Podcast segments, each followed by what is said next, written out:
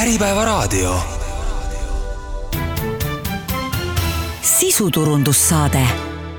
tervist ja tere kuulama sisuturunduse saadet, täna räägime digiturundusest, äh, täpsemalt äh, digimeediast ja sellest, äh, kuidas tehisintellekt võiks aidata sõnumeid koostada, neid levitada, meediat planeerida ja stuudios on OMD Estonia juht Toomas Tepomees, tere! tervist! Ja Omnicom meediagrupi digijuht Angelo Majuri, tere! tervitus! alustame sellisest teemast nagu küpsise apokalüpsis, et võib-olla need kuulajad, kes ei ole otseselt digiturundusega seotud, vajavad väheke selgitust, et siis küpsise apokalüpsis on selline noh, ütleme pool naljaga antud termin äh, inglisekeelsele asjale cookie apokalüps ja see tähendab siis seda, et kui varem erinevad meediaplatvormid, siis eelkõige Google ja Facebook vahetasid omavahel informatsiooni, ehk et oli võimalik ühte kasutajat üle platvormide jälitada, ehk et panna talle külge nii-öelda küpsis ja siis vastavalt sellele mõõta, kust platvormidelt ta täpselt tuli sinu veebilehele näiteks, millised sõnumid mõjusid, ja jälitada, et kui seesama kasutaja siis erinevatel platvormidel käis, et siis see sõnum saatis teda. et siis erinevate privaatsusregulatsioonide ja ka nende, nende platvormide enda, Apple'i ja Google'i ja teiste sellise noh, ütleme siis äh, iseloomu näitamise tulemusena on need protsessid tulevikus tunduvalt keerulisemad kui, kui mitte võimatud, kas ma seletasin seda õigesti, ma üritasin seda kuidagi ja, lihtsustatult üpris täpselt. jah ja sellest on nüüd räägitud siis mõnda aega, et see kohe-kohe jõuab kätte, et see esialgne tähtaeg, mida Google välja kuulutas, vist lükkus edasi aastake või rohkemgi, ja, ja ma ei tea, kas see maailma lõpp on nüüd siis kätte jõudnud või mitte, et et võib-olla värskendaks seda olukorda, et mis see, mis see tänane seis siis on selles osas? no tänane seis on see, et tegelikult juba alates aastast eh, kaks tuhat seitseteist, kui iPhone tuli välja enda küpsise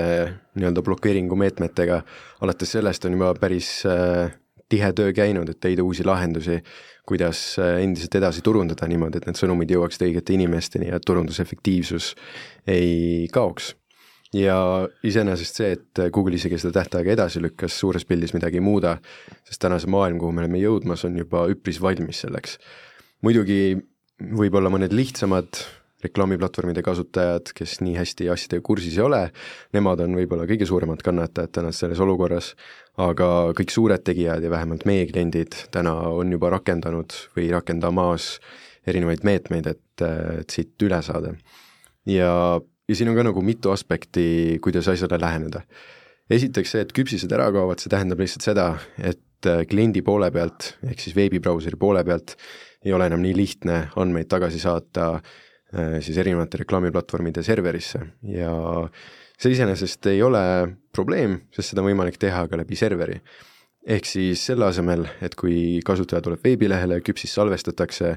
hiljem see küpsis korjatakse uuesti sotsiaalmeedias või mõne muu reklaamiplatvormi poolt ja siis tehakse reklaami. uus protsess näeb välja lihtsalt selline, et kui kasutaja külastab veebilehte, veebileht salvestab, salvestab selle külastuse kliki ID, saadab selle enda serverisse ja siis juba konkreetse e-poe server või ükskõik mis teine toode see on, saadab otse serverist siis reklaamiplatvormi serverisse need andmed, et külastaja, kelle kliki idee oli üks, kaks, kolm, see külastaja külastas meie lehte sellel hetkel ja reklaamiplatvorm ise paneb kokku, et eh, kes see külastaja täpselt oli. ja see annab tegelikult sellise eelise, et eh, kasutajatele säilib privaatsus, need andmed ei liigu nii palju ringi kui enne, samas ikkagi säilib võimalus kokku viia, et kes see külastaja oli ja kust ta pärit oli ja nii edasi. Ja teine lähenemine sellele on see, mida täna on rakendanud Google, mis on see, et selle asemel, et ähm, ülitäpselt igale inimesele kuvada siis ma ei tea, käis näiteks jalanõusid vaatamas, siis pärast konkreetse brändi jalanõusid kuvada, siis tegelikult mida Google teeb, on see, et ta loob erinevad nii-öelda kohordid, ma loodan, et see on eestikeelne sõna, inglise keeles on, aga loob erinevad kohordid, igal kohordil on oma number ja kui inimene külastab näiteks elatisite poodi, siis ta määratakse konkreetsesse, konkreetsesse kohorti. Ja, ja hiljem sellele tervele kohortile siis taasturundatakse mingisuguseid sõnumeid, mis on võib-olla täpsuse mõttes võib-olla natukene mitte nii täpne kui varasemalt, aga samas annab piisava täpsuse, et ikkagi need kampaaniad toovad äh, tulemusi. ja see on juba asi, mis täna on beta faasis ja peaaegu Google'il välja tulnud, et äh, oleme peaaegu kohale jõudmas aga mis siis äh, ikkagi halvem või raskem on kui vanasti, et sa, sa mainisid, et väiksematel tegijatel on raskem, mispärast? no põhiline küsimus on siin selles, et kui varasemalt äh, piisas sellest, et läksid enda reklaamiplatvormi, kopeerisid enda väikse skriptikese, kleepisid selle veebilehele peale, kõik toimis mõnikord isegi ilma küpsise luba küsimata äh,, nagu mõndadel kombeks, siis täna see lihtsalt nõuab natukene nüansirohkemat tehnilist protsessi, et kõik need andmed õigesti liikuma saada siis serverite vahel ja, ja paljudele väiksematele tegijatele, kas siis, kas neil puuduvad need oskused või ei ole lihtsalt neid ressursse, et seda õigesti enda ärikontekstis rakendada no läänemaailmas äh, rakendatakse järjest rohkem, mulle tundub, et need privaatsuse nõuded äh, alates GDPR-ist ja sarnastest seadustest äh, lähevad järjest karmimaks. Ja see tegelikult teeb turundajate elu raskemaks, samal ajal ma olen lugenud, et Hiinas liigub asi nagu vastupidises suunas, et seal on need suured platvormid nagu Tencent ja Baidu ja Alibaba ja teised. Ja, ja põhimõtteliselt ma lugesin sellist võrdlust, et see, see kõlas nagu päris hästi, et see on umbes sama, kui ühes platvormis on koos siis noh, meie tuntud brändidest näiteks Kaubamaja, Swedbank, Telia, Netflix, Spotify ja midagi veel. Ja see tähendab seda, et kasutaja kohta on teada kõik andmed, et kui palju tal on kodulaenu jääke, milliseid riideid ta ostab, milliseid muusikapolu ta armastab ja ja, ja milliseid otsisõnu kasutab ja, ja seda kõike arvesse võttes on võimalik teha siis juba nagu ülimalt personaalset turundust. Läänes ei ole selline asi võimalik ja läheb järjest raskemaks. et, et ma ei tea, kas, kas see tähendab seda, et see, ütleme, see Hiina ja äh, ja meie selline turunduse erinevus hakkab järjest kasvama, et, et see, kuidas Hiinas turundatakse, on äh, hoopis midagi muud äh, kui, kui see, mis me, meie siin teeme. no kindlasti, läänemaailmas meie jaoks on privaatsus väga oluline, me ei taha keegi, et, äh, et meie privaatsust rikutakse ja kõik need uued regulatsioonid, mis on nüüd jõustunud, nagu näiteks GDPR, tegelikult äh, me võiksime neid vaadata ka pigem positiivses valguses, mitte negatiivses, et ahah, tuli jälle see, rikkus kõik kampaaniad ära. ja leida uusi lahendusi, kuidas sellega toime tulla. näiteks GDPR-i üks põhilisi põhimõtteid äh, puudutab seda küsimust, et kellele kuuluvad minu andmed. minu andmed ei kuulu Facebookile, minu andmed ei kuulu Google'ile, vaid minu, minu andmed kuuluvad mulle. ja ma laenan neid Facebookile, ma laenan neid äh, Google'ile ja, ja kui aru saada sellest, et, et kui need andmed kuuluvad mulle ja ma ei taha neid jagada, siis tekib küsimus, et mida mina ise saaks teha või mida minu enda seade taskus saaks teha selleks, et kuvada mulle õigeid reklaame, ilma et neid äh, andmeid jagada siis äh, Google'iga, et just mina niisugune inimene olen. ja, ja näiteks üks äh, väga huvitavaid aspekte selle juures ongi just nimelt ai. et me teame seda, et järjest võimsamad seadmed on välja tulemas, Apple enda M1, M2 protsessoritega, kus on erinevad äh, moodulid juba sisse ehitatud masinõppe jaoks, nüüd viimane uuendus ka siis Google'i IO konverentsilt, kus kuulutati välja, et Chrome'ile tuleb uus moodul nimega Web GPU, mis võimaldab ka Chrome'i enda sees kasutada siis äh, seadme graafilist kaarti nii masinõppetehinguteks kui ka noh, visuaalseteks asjadeks. see tegelikult on andmas meile päris nii-öelda võimsaid tööriistu meie enda taskus mis võimaldavad meil äh, konkreetselt nii-öelda on the go masin, äh, masinõpet teha ilma nende väliste serveritega suhtlemata. ja üks nii-öelda huvitavaid lähenemisi sellele on see, et äh, mis siis, kui need reklaamid, mida meile kuvatakse, mis siis, kui need ei tule mitte kuskilt kaugelt serverist, vaid mis siis, kui need pannakse kokku meie enda taskus, meie enda seadme poolt, meie andmete põhjal ja meile. ehk siis ilma mitte ühtegi privaatsust nii-öelda regulatsiooni rikkumata, aga samas olles ikkagi ülipersonaalsed. ja siin on niisugune äh, huvitav punkt, mis puudutab siis äh, näiteks turundiste müüki. et kui me räägime turundusest, meil on tavaliselt ütleme, niisugused üpris suured sihtgrupid, võib-olla võtame näiteks äh, pitsa, no ma olen Itaaliast pärit, see on mulle oluline asi, peab natuke pitsast ka rääkima, aga kui ma tahaks äh, pitsat nii-öelda reklaamida, siis tõenäoliselt mu sihtrühm oleks ülilai, ma ei tea, kuus, kuusteist kuni kuuskümmend viis pluss mehed, naised, kõigile meeldib pitsa no,. peaaegu kõik, jah. peaaegu kõik, jah. ja võib-olla, kui tahaks nagu eriti täpseks minna, me saaks teha seal natukene väiksemad grupid, et meil on mingid taimetoitlased, meil on lihaarmastajad, meil on võib-olla gluteenitalumatud ja võib-olla saaks selle nagu lahti lüüa niisugusteks kümneks erinevaks äh, pisikeseks sihtgrupiks. aga, aga tegelikult see ei võimalda ka meile täielikku niisugust personaalset lähenemist, mida me suudaks saavutada ai-ga. et kui ai on meie taskus ja suudab meie andmeid analüüsida, siis ai võib vaadata, et okei okay,, me oleme just pannud story sotsiaalmeediasse, et meil on kõht väga tühi ja vaatab, ma ei tea, mida me postitanud oleme või mida me enda märkmetesse kirjutame, et okei okay,, et järelikult see inimene on huvitatud näiteks dieedi hoidmisest ja talle meeldib Ameerika toit või talle meeldib näiteks äh, grillliha ja mõne pildi peal ta on kuidagi jube õnnetu näoga, samas tal käivad väga tihti sõbrad külas ja ta nimi on Joonas. näiteks sellised äh, üpris suvalised atribuudid, siis ai ilma neid andmeid, neid väga personaalseid andmeid mõne suure ettevõtte serveriga jagamata, saaks meie taskus kokku panna reklaami, mis vastab täpselt nendele parameetritele. ja ma enne tegelikult tegin niisuguse väikse prooviülesande ai kasutades ja ai pani kokku umbes niisuguse reklaami, et hei Joonas, kas tunned end näljasena ja otsid maitsvat einet, mis su dieedirööpast välja ei lööks? lõpeta otsimine ja telli meie suust sulava grillliha pitsa mahlasest grilllihast lisatud suhkruteta tomatikastmes ja mahlakas sulatatud juustust pakatav pitsa on täiuslik tasakaal naudingu ja dieedi vahel. Ja nii edasi. ühesõnaga, see sõnum on täpselt kokku pandud kõikidele nendele atribuutidele ära rohkem räägi, ma ei ole täna lõunat söönud, et jah, ja, ja selline sõnum võiks nii-öelda kõikidele inimestele olla personaalne, kes selles suuremas sihtrühmas on, et kui meil on näiteks, ma ei tea, Eestis viissada tuhat inimest, kes muidu sinna kuuluks, meil oleks viissada tuhat erinevat reklaamikopit viissada tuhat erinevat reklaamipilti lisaks kopile või võib-olla ka videot, sest me teame, et ai suudab täna ka juba videosid luua ja sinna peale lugeda, mis muudaks selle ultra personaliseerituks ja tõstaks äh, selle reklaami efektiivsust, tehes seda kõike, hoides täielikult privaatsust ja nõudmata küpsiseid nüüd on äh, seda kuulates see küsimus, et äh, millise restorani pitsat äh, see ai mulle siis reklaamib? no see on hea küsimus, ma arvan, see on, see on koht, kus tuleks jällegi läbi mõelda, et kui palju neid andmeid saab jagada, mis sealt nende klikkide baasilt tuleb, no siin päeva lõpuks on küsimus ka rahas, et kelle käest siis, eks ole, raha küsitakse. ja ma mõtlen, et kui sa ütlesid, et enne, et see ai paneb mm -hmm. selle kokku, et ma saan aru, et see, et kelle heaks see ai töötab, kas ta töötab minu heaks, et teha mulle äh, kõige parem valik. Äh, või ta töötab äh, mõne reklaamija heaks, kes äh, maksab selle eest, et just tema restorani reklaamitakse kui me räägime kontekstuaalsest reklaamist, siis tegelikult ka täna see ju peaks töötama mõlema osapoole jaoks miks me näeme Facebookis reklaame enda huvi baasil, on see, et Facebook tahab, et meie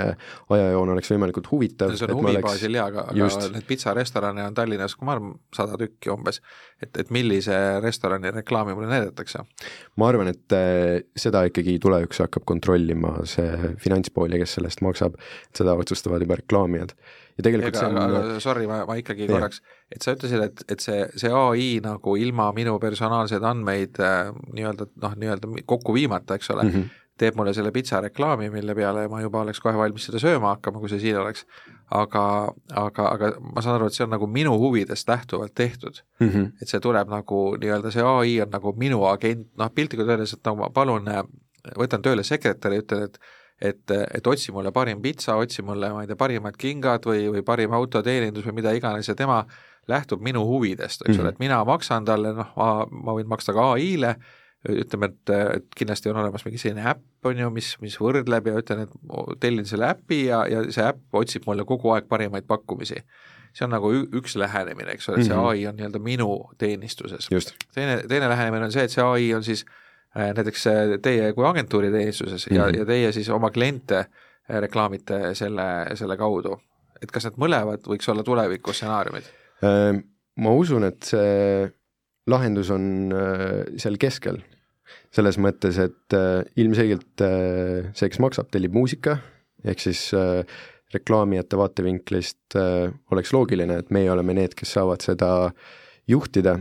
aga samas reklaam on kõige efektiivsem siis, kui see on ka tarbija huvides, et eh, eks see, eks see ole nagu ühte ja teist. jaa, aga, aga see noh, tarbija huvides on pitsat süüa näiteks lõuna ajal, et mm -hmm. see on äh, noh, ütleme, jätame selle probleemi kõrvale mm. -hmm. aga nüüd kelle pitsat seal, ütleme minu huvides võib olla, oletame see, et ma aktsept-, no ütleme, et näiteks mingi kakskümmend restorani, kelle minu arust on kõik okei okay,, et ma olen valmis kõikide nende pitsasid sööma, minu arust on nad head, et milline neist seal välja valitakse, et, et see on see küsimus mm. -hmm. no ma ise näeksin seda, et, et see on juba nii-öelda panustamise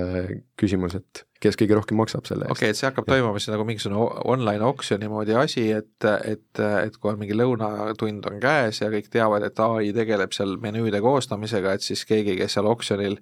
siis kõige parema panuse teeb, siis selle reklaami kuvatakse. just, umbes nagu täna on, eks ole, meil otsingureklaamid samamoodi, otsid, mis pitsat süüa, kuvatakse selle pitsat, kes kõige rohkem kliki eest on nõus maksma. või siis selle oma, kelle nii-öelda märksõna seadistused kõige paremad on, eks ole. jah, no ütleme orgaanilises kontekstis kindlasti, kuigi see viib ka nii-öelda järgmise punktini, mis on üldse seo tulevik, kuna sellesama Google I.O konverents, mis äh, just toimus, seal räägiti ka sellest, kuidas Google täna näiteks on implementeerimas äh, siis ai-d enda otsingu tulemustesse ja see tulevik näeb välja umbes selline, et kui me midagi guugeldame, siis esimene vastus on, äh, on Google'i poolt genereeritud. ehk äh, küsid mingit küsimust, otsid mingit asja, Google juba vastab seda sulle, ilma et sa peaksid ühtegi lehte avamata, avama ja, ja siis tekib küsimus, et aga mis, mis mõte on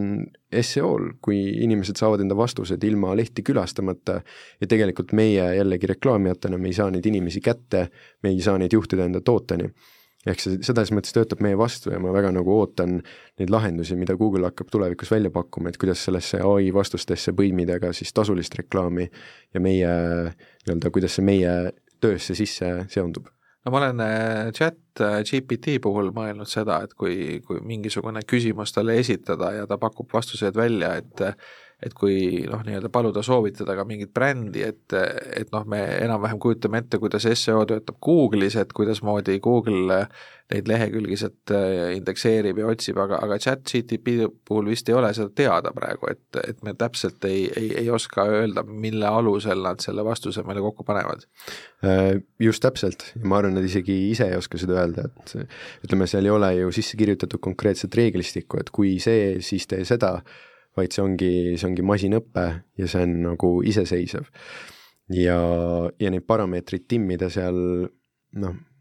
see on omamoodi küsimus. no, no täna on ikkagi ju niimoodi, et, et noh, Google'i puhul, kui me toome selle näite, seal on nagu premeeritakse kahte sorti lähenemist, üks lähenemine on see, kes kõige rohkem maksab, eks ole, see tuleb välja seal makstud vastustes esimesena nüüd see, kes on kõige osavam selle seo nii-öelda katki hammustamisel, see tuleb siis orgaanilises otsingus mm -hmm. välja. aga need kumbki ei pruugi olla tegelikult kõige parem variant minu jaoks, eks ole. et, et, et üks on lihtsalt rikkam ja teine on lihtsalt osavam seda seo-d häkkima aga, aga ideaalne võiks olla see, et tegelikult tuleb välja ikkagi see kõige parem, mitte mm, -hmm. mitte see, kes on osanud mingit märksõnu Google'ile tag idesse kirjutada mm. -hmm. ideaalis küll jah, ja ilmselt äh, nii-öelda selle ai liidestamine sinna sisse äh, võikski nüüd selle kõige parema tulemuse anda, aga siis tekibki küsimus jällegi, et kuidas see nüüd meie äridesse sisse põimub kui reklaamijad. aga, aga see, et ähm, eh, mis sa rääkisid, et, et äh, tulevik on see, et meile hakatakse nii-öelda relevantset reklaami või meie noh, juba täna, eks ole mm, -hmm. meie huvidele lähtuvat reklaami näitama, läheb natuke nüüd vastuollu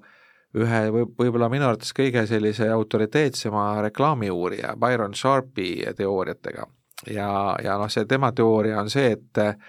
et noh, business to business maailmas eriti, aga nii-öelda tarbijamaailmas ka, et tegelikult noh, ärilt ärile maailmas üheksakümmend viis protsenti inimesi pole üldse täna valmis ostma midagi. ehk et eh, nad tegelikult ei tea, mida nad veel tahavad, aga selleks, et noh, oletame näiteks näide, et, et ma kodulaen oletame, et ma täna ei taha kodulaenu võtta mul ei ole mingit huvi selle vastu, aga kui mulle nüüd pangad pidevalt ei genereeriks oma reklaamisõnumeid, eks ole, mis siis minu peas kuidagimoodi alateadvusesse lähevad ja siis, kui see hetk ükskord saabub, et ma tahan seda kodulaenu võtta, siis mulle nagu pank A näiteks meenub kohe või pank B ja ma lähen nende juurde esimesena mm -hmm. ja võib-olla teen nendega tehingu, ehk et tegelikult on ikkagi vaja reklaamida kas siis, kui ostjal täna kohe praegu seda ostuvajadust ei ole, noh pitsa on teine asi, et see on nagu lühiajaline, sest ma nagu kuigi tegelikult võib olla ka niimoodi, et kui mingi pitsarestoran kogu aeg nii-öelda oma brändi reklaamib, siis mingil hetkel, eks ole, ma lähen ka neid, neid proovima. Et tegelikult see, et nüüd, et, et ainult minu hetke huvidele vastavaid sõnumeid mulle saata, et tegelikult see muudab maailma palju väiksemaks ja igavamaks. Ehm, jah, seda küll, samas nii-öelda ai point ei ole ainult kuvada nii-öelda neid hetkevajadusi, et kui öelda ai-le näiteks, et mul on krediidivõimekus X ja mul ei ole kodu mis oleks kõige mõttekamad tooted, mida mulle reklaamida, siis ai tõenäoliselt suudaks välja pakkuda, et üks nendest toodetest võiks olla laen ja see võimaldaks ka tegelikult seda infosfääri laiendada sellele inimesele väljaspoole nendele neid konkreetseid otseseid vajadusi, mis meil hetkel on. lihtsalt see tehingu aeg on võib-olla aastaid, eks ole, et see, kui pitsa tehingu aeg on võib-olla minutid või, või tund, eks ole, siis see mm. mingi, ma ei tea, kodulaen või, või auto või mingi kallim ost, selle ostuteekond võib kesta mitu aastat või isegi mingi viis aastat täitsa vabalt. jah, absoluutselt. Ma tegelikult võib-olla ütleks ka sõna sekka, et ma arvan, et äh, see, et meil on praegu äh, noh, räägime siin ai-st ja tulevikulahendused, see pigem on võib-olla selline asi, mis äh, asendab siis ühel hetkel nõndanimetatud praeguse programmatic reklaami, eks ju, mis põhimõtteliselt töötab ju sama loogika, seal on ka oksjon, eks ju, reklaamijad mingitele äh, teatud sihtgruppidel üritavad oma, oma toodet või teenust maha müüa, et see pigem teeb selle täpsemaks, tõenäoliselt loogilisemaks ja tõenäoliselt mõnusamaks, aga nõnda öelda bränding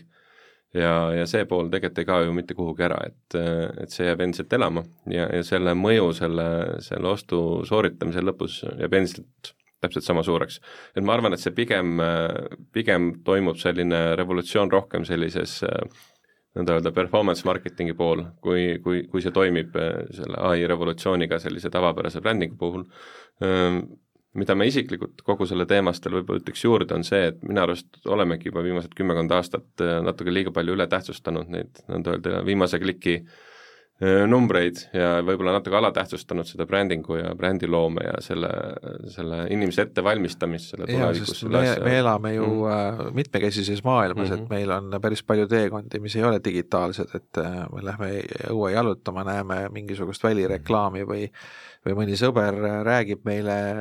mingisugusest oma kogemusest või me kuulame raadiost midagi või noh, neid, neid, neid puutepunkte on ju palju rohkem kui, kui -hmm. digimaailmas esimeses saate pooles me rääkisime sellest, kuidas tehisintellekt äh, meile reklaamisõnumeid äh, suunab ja, ja mis, äh, mis need tulevikus juhtuma võiks hakata, aga aga maailm on mitmekesine, et me ei ole ainult digimaailmas ja, ja me liigume tänaval analoogmaailmas ja, ja, ja saame väidetavalt väga efektiivne, vähemalt Omniva sõnul on ka näiteks otsepost ja, ja, ja siis äh, igasugused muud sõnumid, et kuidasmoodi äh, noh, meediaagentuur, eks ole ju,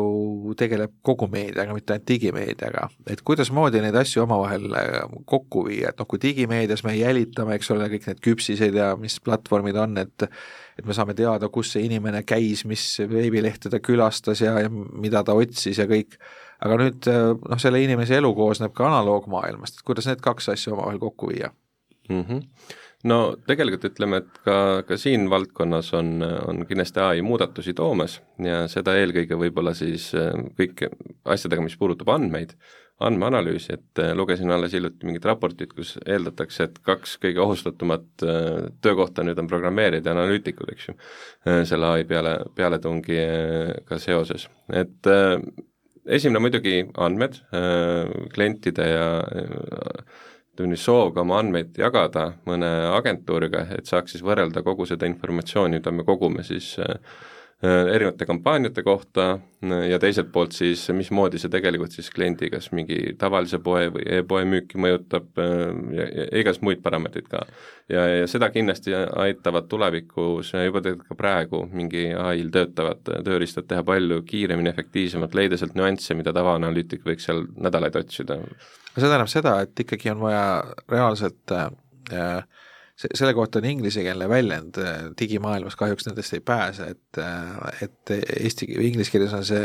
self-reported attribution, ma ei teagi, mis see eesti keeles tähendab, aga põhimõtteliselt see mõte on see, et et inimene ise ütleb, kus ta millegi kohta midagi kuulis, noh näiteks ma ei tea, meie konverentsidel mm. küsime, et kust sa said infot konverentsi kohta, siis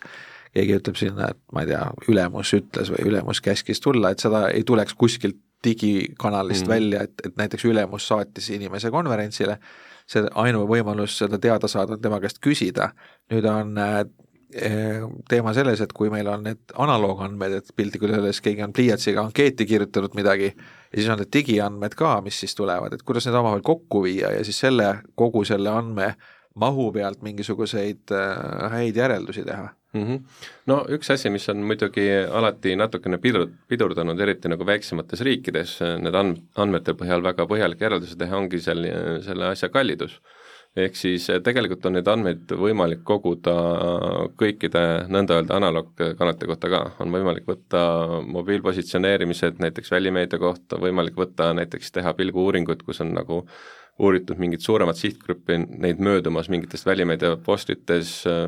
hiljem teed veel järeluuringu neile, küsid, kas sa seda, seda reklaami nägid? ja kõike muud sellist. Eh, televisioonis samamoodi tegelikult, et jah, meie see televisiooni analüütika praegusel hetkel äh, võib-olla ei ole päris selline maailma tipptase, aga mingit infot saab sealt küll, aga, aga võttes näiteks kas või meie suured telkod, neil on kindlasti neid andmeid oluliselt juba rohkem enda, enda erinevate programmide, reklaamide ja muu vaatamise kohta. et see maht koguneb, koguneb, koguneb ja, ja mis on takistanud sellist võib-olla väga suurt ökonomeetrilist uuringut tegemas koos kliendiga, no osasid see ei takistagi, aga see ongi pigem nagu finants, sest sinna alla läheb palju töötunde. aga ma arvan, et nüüd tegelikult see on ka muutumas, et need tööriistad muutuvad aina targemaks ja põhimõtteliselt ühel hetkel piisab ainult mingite andmete sisestamisest, uuringu tulemuste sisestamisest ja see ai suudab juba enam-vähem öelda, et okei okay,, selle kampaania mõju sellele, selle kaubamärgi või, või toote müügile oli tõenäosusega kaheksakümmend seitse protsenti see ja, ja seda saab siis jälle kasutada tulevikus nagu meedia planeerimises ja nii edasi. aga platvormid äh, tegelikult ka üritavad ise ju ehitada neid, äh, neid müüre sinna ümber, eks ole, et mm -hmm. me teame seda, et Apple on, eks ole, suletud süsteem, ma, ma mäletan omal ajal Telia ka rääkis seda, et tegelikult neil andmed näiteks teleka vaatamise kohta, need, kes on Telia äh, televisiooniteenuse kasutajad, et neil on neid andmeid päris palju, aga nad lihtsalt ei jaga neid ja, ja tegelikult noh, Telia huvi näiteks võib olla see, et, et hoopis oma andmeid kasutades ise müüa reklaami ja, ja saada siis väga hea analüütika sealt ja seda ei jagata tingimata nüüd siis kas meediaagentuuride või konkurentide, kellega iganes. et noh, ühest küljest neil need andmed lähevad paremaks ja nende analüütika läheb paremaks, aga teisest küljest on kõigil, noh, mitte kõigil, aga suurtel platvormidel soov ehitada need müürid sinna ümber ja, ja, ja üritada siis seda klienti seal ühe äh, Äh, platvormi sees hoida? No mina ütleks seda, et see lõppkokkuvõttes taandub jälle taaskord äh, finantsküsimusele, ehk siis igaüks oskab tõenäoliselt oma andmeid väärtustada äh, nii palju, kui ta oskab ja ühel hetkel tuleb see piir ette, et sa võid ju selle hinna sinna panna, kui keegi neid ei osta ja elab ilma selleta üle, et siis, siis lihtsalt neid ei kasutata. et, et minu teada Telia on, on küll täitsa nagu huvitatud sellest, et nende andmeid oleks kasutatud ka agentuuride ja kõige muu poolt, et siin pigem ongi see küsimus, et mis moel see võiks toimuda ja, ja mis oleks siis see enam-vähem õiglane hind, mida siis nagu tegelikult kõik suudaksid kinni maksta. Et, äh, et ma arvan, et äh, jah, suurte globaalsete pra-, selliste ütleme nii, platvormide puhul loomulikult on see natukene keerulisem, sellepärast et äh, mingi, et noh, nendelt, kui nad ikkagi ütlevad, et kasutavad enda enda jaoks ja ongi kõik, eks ju, siis ei ole midagi teha, aga ma arvan, siin kohalikul turul tegutsevad ettevõtted ja ja erinevad reklaamikanalid, olgu need välimeedia, tele või nii edasi, et nendega läbi rääkides saab tegelikult ka neid andmeid nagu kätte, et no üks selline noh, moodsa aja probleem on ka see, et, et suured platvormid ei taha meie raha, ehk et ma viitan sellele, et äh, päris palju on neid juhtumeid, kus äh, olgu see Amazon, noh kõige levinumad probleemid ongi ilmselt Amazoniga ja, ja siis ka Meta või Facebookiga, on, on see, et ühel hetkel täiesti arusaamatul põhjusel äh, pannakse meie konto kinni, nii-öelda keelatakse ära ja, ja siis noh, heal juhul saab selle lahti ja mõnel juhul ei saagi et no siin on ju näiteid eh, inimestest ja brändidest, kes on põhimõtteliselt nagu eluaegse keelu saanud, eks ole, et, et ja nad, nad noh, väidetavalt ei saa ise aru, millest see tuli. ja, ja see on nagu täiesti uuelaadne probleem, et, et sa tegelikult nagu sõltud meeletult palju, et noh, piltlikult öeldes, eh, kui sa ehitad oma äri üles, ma ei tea, Meta või, või Amazoni peale, ja siis mingil põhjusel nad su kinni panevad, siis, siis see võib olla ikkagi ärile ju täiesti lõpp mm,. see on õige jah, ütleme nii, et siin on kaks poolt, esimene pool on see, et sageli inimene jah, tõesti ei tea, mis ta valesti tegi, aga tegelikult on sul põhjus olemas ja ta lihtsalt ei ole nende reklaamireeglitega tuttav. aga teiselt poolt loomulikult need nõnda öelda automatiseeritud näiteks reklaamikontrollijad, mis, mis on metal, et need võivad tõesti absurdseid tulemusi tuua, et no meil näiteks on Äh, meie hea kliendi McDonaldsi äh, reklaamid kinni pandud põhjusel, et see on äh, põhimõtteliselt toetab nagu terrorismi, kuigi no tegu on täiesti tavalise McDonaldsi burgeri reklaamiga, eks ju, et kuskohast selline järeldus võiks tulla mina, mina ei oska öelda. aga on ka muidugi case'e, kus, kus võib-olla mõni reklaamija kas siis mis iganes, kas teadmatusest või mõnikord ka pahatahtlikkusest ikkagi üritab piirata neid või kombata neid piire, mis nagu äh, sellele kampaaniale on ja siis, kui vahele jääb, siis muidugi on, eks ju, nutumaik suus, et noh, see on, need case'id on erinevad. jah, ja siin võib-olla mõnikord tähtsustatakse natuke üle ka sotsiaalmeedia reklaami, et paljud äh, näevadki Facebooki ka ainsat reklaamikanalit ja kui see konto järsku kinni läheb, siis ongi maailma lõpp. Tegelikult äh, enamus veeb koosneb siiski teistsugustest veebilehtedest äh,, ma ei tea, mingid uudistelehed mingisugused muud blogid ja nii edasi, kus saab reklaamida läbi program-, programmaatilise reklaami, mis on mahu mõttes, ma ütleks, suurem isegi kui Facebooki reklaam, et kui Facebook ei taha raha, siis see on fine. ja meie turundajatena me peaksimegi võimalikult palju, võimalikult mitmekesiseks enda reklaamimiksi tegema, et maandada neid riske no lihtsalt äh, Facebookis on äh, ütleme, sellisel väiksel ettevõttel suhteliselt lihtne ise toimetada, et see on tehtud üsna kasutajamugavaks, see, see reklaamihaldur ja, ja see on selgeks õpitud ja siis äh, kui see enam ei tööta, siis on loomulikult nagu, nagu ebameeldiv. jah, see on tõsi, aga edu asub väl-, mugavustsoonist väljaspool. nii on jah. ja, ja tegelikult ega ka programmaatilised äh, platvormid ei ole, ma ütleks, väga palju keerukamad enda olemuselt kui näiteks äh, Facebooki Ads Manager või noh, Meta Ads Manager tänase nimega. ja kui, kui sa ei oska, siis võib OMD-sse tulla ja et, et, et noh, üks, üks teema veel on see nii-öelda isetegemine versus agentuuri kasutamine, et seesama Facebook on, eks ole, loonud olukorra, kus noh, oletame, et sellisel televisiooni kuldajastul, eks ole, ma ei tea, seitsmekümnendatel, kaheksakümnendatel, noh, meil ei olnud siis üldse reklaami Eestis, aga, aga noh, mujal maailmas noh, teles said ikkagi reklaamida sellised suured ja vägevad tegijad, eks ole, ja selline noh, see, sa enne mainitud pitsarestoran üldjuhul pidi piirduma kohaliku ajalehe või, või mingisuguse plakatiga, et teles asja polnud nüüd praegu on äh, näiteks Facebook on selles mõttes hästi demokraatlik, et äh, no sisuliselt igaüks, iga, iga eraisik ilmselt leiab see mingisugune paarkümmend eurot või isegi veel vähem, et seal mingi reklaam püsti panna. ja, ja see on nagu muutnud seda maailma ja hästi palju äh, siis tehakse seda tööd ise. et no siis hakkabki levima see mõtteviis, et milleks meile agentuur, et mis, mis see agentuur siis juurde annab ja, ja, ja see on nagu teie agentuuri esindajad siin praegu paras koht küsida, et et, et kui väike või kui suur klient peaks olema, et ühest küljest ta suudaks agentuuri kaudu reklaami osta ja teisipidi, kui väike või suur klient peaks olema, et teil oleks temaga mõtet äh, tegeleda? ma arvan, et siin on äh, mitu küsimust, et tihti, või noh, meil on ka mõned kliendid, kes on väga väiksed, samas me näeme väga suurt potentsiaali nendes me oleme nõus nendega koos töötama ja nendega koos äh, kasvama. ja, ja teistpidi muidugi meil agentuurina on, on meeldivam võib-olla suuremate klientidega töötada, kellega me saame testida lahendusi, mida väiksed ei suudaks endale lubada. aga selle eelmise punkti juurde tagasi tulles, et et võib-olla mõned inimesed mõtlevad, et okei okay,, agentuuriga töötamine, agentuur maksab, et see on mingi lisakulu, miks ma peaksin agentuuril laskma teha, ma võin ju ise ka sama hästi need kakskümmend euri Facebooki panna, aga minu arust kõige suurem kulu ettevõttele on see kulu, kui sa teed reklaami valesti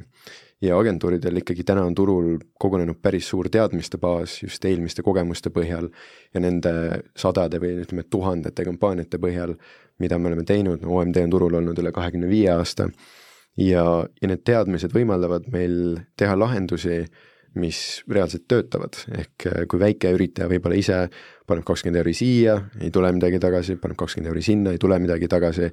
võib-olla oleks palju mõttekam tulla, tulla jutule ja, ja leida plaan, mis, mis reaalselt toimib ja mis garanteeriks pikaajalise jätkusuutliku kasvu.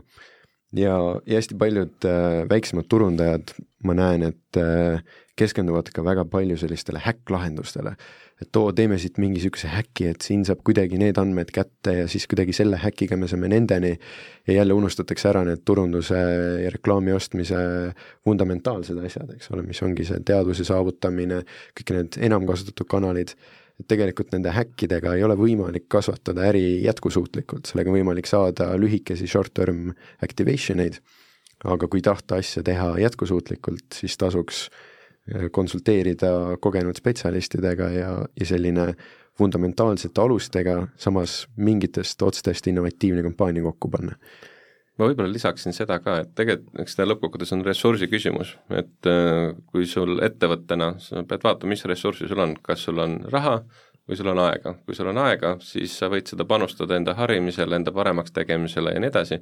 agentuuri käest sa põhimõtteliselt ostad sisse juba nende poolt kunagi varasemalt panustatud aega sellesse õppimisse. see on nagu kiirtee siis? see on nagu kiirtee põhimõtteliselt, jah nojah, see, see selles mõttes noh, elus on ikka nii, et need asjad, mis äh, pealtnäha on odavad, siis võib-olla pärast lähevad päris kalliks maksma, kui kõik äh, ämbrid on läbi kolistatud. Aga, aga see digi- ja, ja analoogmaailma sidumine veel, et, et äh, päris põnev on jälgida seda, kuidas päris paljud sellised puhtalt digitaalsed ettevõtted alustavad siis seal digimaailmas ja siis hiljem liiguvad Äh, siis nii-öelda analoogmaailma, et noh, Eestis seda näha ei ole, aga, aga Euroopa suurlinnades on ju välireklaamid, Google reklaamib ennast, Netflix, Amazon, et noh, meil ka tegelikult e-poed äh, reklaamivad, et, et iseenesest ühel hetkel noh, võiks öelda, et kui ma olen e-pood, äh, kogu ostuteekond põhimõtteliselt on seal digikanalites, kogu ostuteekonda peaks olema võimalik jälgida ja nii edasi, aga ikka lõpuks nad panevad need plakatid välja ja teevad telereklaami ka, et, et selgitage seda loogikat lahti, et miks, ma ei tea, mingid About You'd ja ja, ja, ja teised suured e-poed teevad sellist äh, nii-öelda siis analoogreklaami mm. -hmm.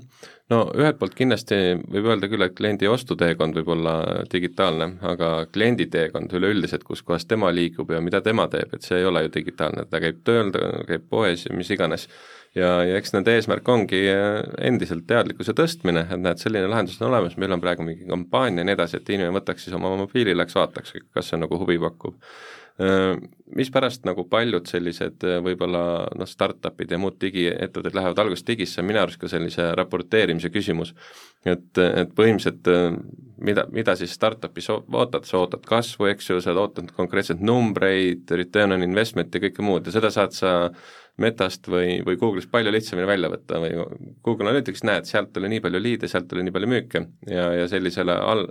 alustavale kasvavale ettevõttele ongi see kõige lihtsam moodus näiteks turundajale oma ülemusele tõestada, et näed, tegime seda õieti, tegime seda õieti. väli, välimeedia, raadio või mingi muu sellise kampaaniaga on seda oluliselt keerulisem teha ja sellepärast see on ka nagu mingil määral lihtsama vastupanu teed minemine. piltlikult öeldes on ülemusele vaja ära tõestada, et, et no, teg, tegin oma tööd hästi, et ja siin ma kusjuures ei väida, et see, et need digikampaaniad ei töötaks, muidugi töötavad, aga, aga see ei tohiks olla nagu ka ainukene selline kinniside, et me teeme ainult seda ja me ainult mõõdame läbi analüütika ja, ja mitte midagi muud nagu ei pane, mis nagu koheselt sul ei ole seal analüütikas nagu märgatav aga, aga võib-olla seda, ütleme nii, et ma, ma arvan, et see muude analoogkanalite digitaliseerimine on ka ikkagi tulemas, ma alles hiljuti lugesin ühte huvitavat äh, case study't, mida meie Saksamaa OND tegi, ühele suurele poeketile, kus siis põhimõtteliselt äh, telekanalis äh, oli siis äh, selline erilahendus tehtud, kus äh, oli kokandussaade äh,, ja, ja, ja siis ai põhimõtteliselt nagu analüüsis seda saadet kogu aeg ja kui hakati mingit retsepti tegema, võeti mingisugune asi välja, siis ilmus täpselt sellesama retsepti jaoks vajalik toode, olgu see ketšup või mingi õli, sellesama poe valikus mingisuguse soodushinnaga sinna ekraanile, see kõik oli nagu automatiseeritud. eks ai sai aru, et nad teevad mingit pudru ja siis ilmus sinna kohe nagu manna reklaam nüüd selles poes, mis võitis ka päris palju auhindu, ma arvan, et selline moment nagu selline, et kõik meie analoogkanalid saavad ka ühel hetkel võib-olla natukene sellist sellist tuge juurde. kas see tähendab seda, et te televiisor siis hakkab äh, jälgima, mis me teeme, et äh, noh, ütleme arvuti taga ju sisuliselt arvuti saab aru, kuhu me klikime, mida me loeme, mida me vaatame, täna mm -hmm. telekas sellest aru veel ei saa et mulle tundub, et ainuke lahendus on see, et telekasse tuleb panna see salasilm, mis vaatab, mis ma teen ja siis, kui kui ma näiteks mingi saate poole pealt ära lähen, äkki on igav saade, et siis ta kohe saab aru ja, ja annab produtsentidele teada, et no siin tuleb jälle privaatsusmoment juurde, see pigem oli selle konkreetse saate sisuga seotud, et näiteks kui, et sa tavaliselt on ikkagi ütleme nii, kui sa telereklaami tellid, siis sa pead mingi hetk enne saatma oma klipid sinna, siis ta planeeritakse sinna vahele antud tehnoloogiline lahendus võimaldab siis seda telereklaami teha on the go ja põhimõtteliselt sellise overlay'na selle, selle telesaate peale. ehk siis, kui telesaade jookseb ja seal mingi tegevus toimub, näiteks keegi läheb autoga sõitma, siis ilmub näiteks mingisugune ma ei tea, Renault või Nissani reklaam sinna peale see on nagu hästi kon-, kontekstuaalne. täpselt nii räägime saate lõpuks kaks sõna äh, sellest loovuse poolest ka, et tegelikult noh, nii-öelda jällegi Metas, Facebookis reklaamides noh, kui kuulata seda, mida räägitakse sellega seoses, siis see loovus või milline see reklaam välja näeb, sellest ma arvan, räägitakse mingi viis protsenti, kogu ülejäänud aur läheb selle analüütika ja, ja, ja, ja kogu selle planeerimise peale aga noh, lõpuks ikkagi see loovus ka, et mis see sõnum on ja milline see pilt välja näeb ja see on ka tähtis, et kuigi jah, jällegi seal metas tihti see on see pöidla otsa suurune, et seal nagu mingeid väga suuri loomingulisi võimalusi ei ole, aga seal on ka nagu igasuguseid muid asju, et et, et kas see ai teie arvates äh, hakkab mõjutama loovust ka, et noh, ütleme seda vana head äh, Mad Meni aegset loovust, äh, et kus äh, istuti ja joodi viskit ja tehti sigarit ja siis tulid geniaalsed ideed, et selle asemel hakkavad tulevikus siis nagu robotid, ai neid asju välja mõtlema. no see on kahe otsaga asi, ühtepidi ai suudab, eks ole, sõnumeid välja mõelda, suudab seda loovmaterjali toota, sinna pildi juurde teha, video juurde teha ja ai suudab täna ka ennustada, millise tõenäosusega see sõnum või visuaal sobib sihtrühmale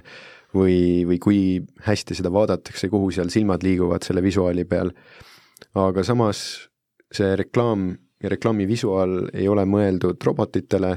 vaid, vaid see on mõeldud inimestele. ehk äh, nii-öelda see inimtestgruppide peal testimine, vähemalt ma ei näe, et see kohe täielikult ära kaoks samas siin on jälle niisugune tasakaal, et et reklaamimise käigus me kogume ka päris palju andmeid ja kui me jooksvalt suudame neid visuaale iteratiivselt paremaks muuta, ja meil ei olegi ühte konkreetset visuaali, vaid meil on võib-olla ühtne bränd ja see sisu järjest muutub paremaks, siis kaob ka see testimise vajadus ära ma võib-olla lisaks siia, et mis äh, võib juhtuda selle ai tulekuga just siia loomaailma, on see, et äh, nagu, nagu varem on ka mainitud sellist, et mida sa saad endale lubada, siis ma usun, et siin võivad ka üpris väiksed, üpris sellised tagasihoidliku eelarvega ettevõtted lubada endale päris korraliku kvaliteediga reklaami tegemist, sest selle teeb nende jaoks valmis robot, mida nad senimaani ei ole saanud teha, sest ei taha disainerile maksta või mis iganes ja, või videoklipi tegemiseks läheb veel omaette raha, et no tegelikult äh, noh, kui me toome sellise lihtsa näite nagu logo tegemine, et, äh, et äh, noh, nii-öelda skaala ühes otsas on see, et sa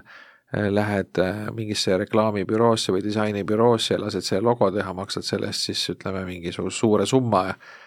ja tegelikult meil juba täna on ju olemas need Fiverrid ja muud sellised äh, platvormid, kus sa saad maailma teises otsas asuva disaineri käest, ma ei tea, viie dollari eest võib-olla no pealtnäha sama hea logo ma tean, et see jutt ajab nagu disainerid vihaseks, et, et noh, see jätab mulje, et neid poleks nagu vaja või ütleme, noh, see hind, selle toote hind ei ole seda, seda väärt või või mis iganes, aga, aga ometi, kuigi see võimalus on olemas, siis ikkagi äh, paljud eelistavad minna professionaali juurde ja lasta enda veebileht või logo disainida suure raha eest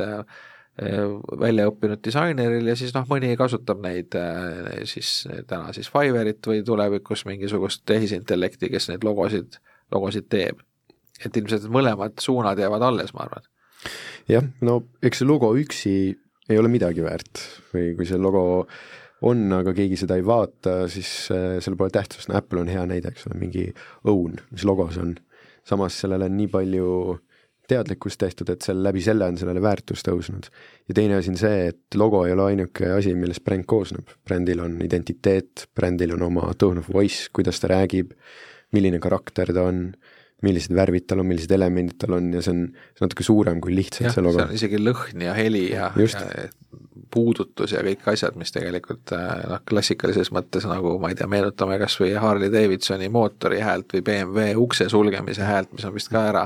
ära kaitstud, eks ole, autoriõigustega. et äh, ühesõnaga kokkuvõttes võib öelda, et, et nagu lähemal ajal ikkagi loovinimestel ja analüütikutel meediaagentuurides on vaja, vaja tööd teha kas või selleks, et õppida tundma kõiki neid ai lahendusi ja neid kasutama, et lõpuks nad on ju tegelikult ikkagi tööriistad, et et äh, see, ütleme, ai on nagu, nagu haamer, eks ole, et äh, väga mugav on noh, ütleme, pöidla otsaga naela seina suruda on väga raske, haamriga on mugav lüüa, aga keegi peab ikka lööma ka, et see ei ole nii, et see haamer ise läheb ja lööb ja õigesse kohta ja õige naela, eks ole. just täpselt, et ma arvan, väga paljud täna näevad ai-d kui otsest konkurenti, et ai tuleb, võtab meie tööd ära, analüütikud jäävad töötuks, programmeerijad jäävad töötuks aga tegelikult see on, nagu sa ütlesid, lihtsalt tööriist. ja meie töömaastik lihtsalt muutub ja meie muutume selle tööriista peremeesteks ja see töömees on meie, meie kubjas või meie sibi, kes meie eest võib-olla selle musta töö ära teeb, mida muidu meie ise peaksime tegema. et meie saaksime keskenduda rohkem intellektuaalsele poolele, rohkem suurele pildile ja rohkem sellele suuremale visioonile, mida me tahame luua nii, sellega on ilus lõpetada, aitäh, stuudios olid äh, Angelo Majuri äh,, Omnicom meediagrupi digijuht ja Toomas Tepomees, OMD Estonia juht, mina olen saatejuht Hando Sinisalu ja suur tänu kõigile kuulajatele ka! aitäh!